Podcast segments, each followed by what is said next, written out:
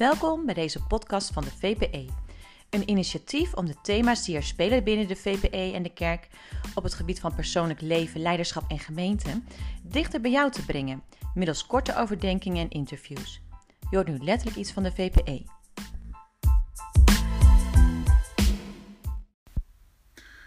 Mijn naam is Machiel Jonker en ik wil je meenemen naar uh, onze eerste blog. Dat gaat over een onderwerp dat mij de laatste weken zeer aan het hart is komen te liggen. De laatste maanden mag ik wel zeggen. Uh, discipelen maken. Het klinkt misschien wel als een cliché, maar niettemin toch ook wel waar. Hè? We leven anno 2020 in uh, een heel speciaal jaar. Wie had dat kunnen denken? Sinds maart van dit jaar is er veel veranderd in onze gemeenten. Er is goede hoop aan de ene kant dat alles op termijn weer terugkeert naar het oude. Uh, maar toch is de vraag ook of dat wel zou moeten. En wat bedoel ik daarmee? Van Winston Churchill is de bekende, inmiddels hele bekende uitspraak: Never waste a good crisis. apostel Paulus die zegt: Wij geloven dat God alle dingen laat medewerken ten goede voor hen die God lief hebben en die naar zijn voornemen geroepenen zijn. Om met de woorden van Churchill te spreken, wat is het dan dat we niet mogen verspillen aan deze crisis door COVID-19? Of om met Paulus te spreken, wat is dan het goede waar God de coronacrisis aan laat medewerken?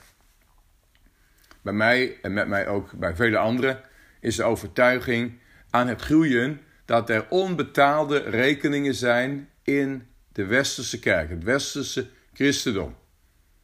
Onze westerse vorm van kerk zijn is sterk gericht op de samenkomsten, zondagmorgen, en nogal programma gericht en kansel en podiumgericht. Als VPE-mensen houden we erg van Handelingen 2. Dat is eigenlijk ons hoofdstuk. Hè? We lezen daar het verslag van de uitstorting van de Heilige Geest en het spreken in tongen. We lezen ook van de snel groeiende gemeente die, als we goed lezen, zowel samenkwam in gemeenschappelijk onderwijs van de apostelen in de tempel, maar die ook dagelijks samenkwamen in huizen. Je had een grote meeting, je had vele, vele kleine meetings. De kerk was echt een familie. De kerk leefde vanuit relaties. Staat zo heel mooi, ze gebruikten hun maaltijd met eenvoud van het hart. Moet je over mediteren, wat gebeurt daar dan? En de kerk gaf mede op deze wijze invulling aan discipelschap. Vanuit die kleine groepen.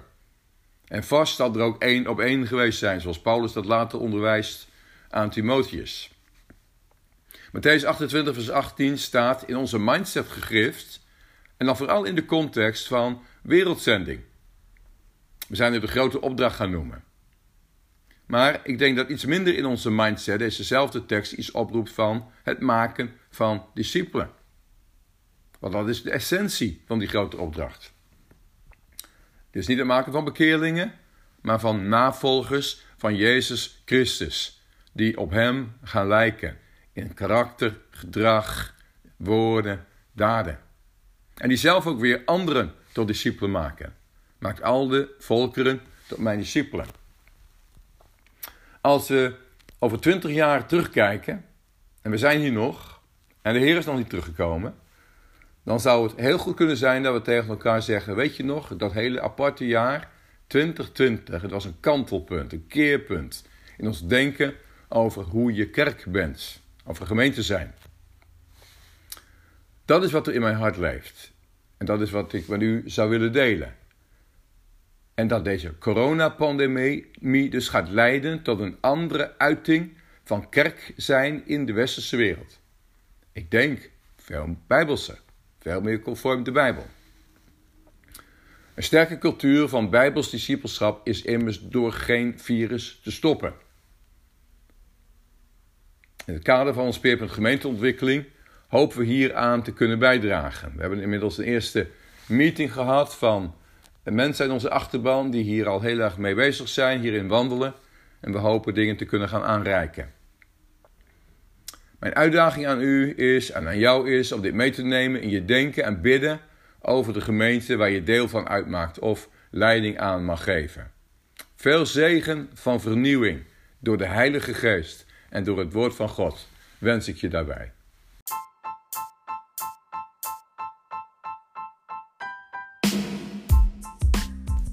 Leuk dat je hebt geluisterd naar deze podcast. Wil je reageren? Dat kan door een mailtje te sturen naar info.vpe.nl. Wil je meer weten over de VPE? Check dan de website www.vpe.nl.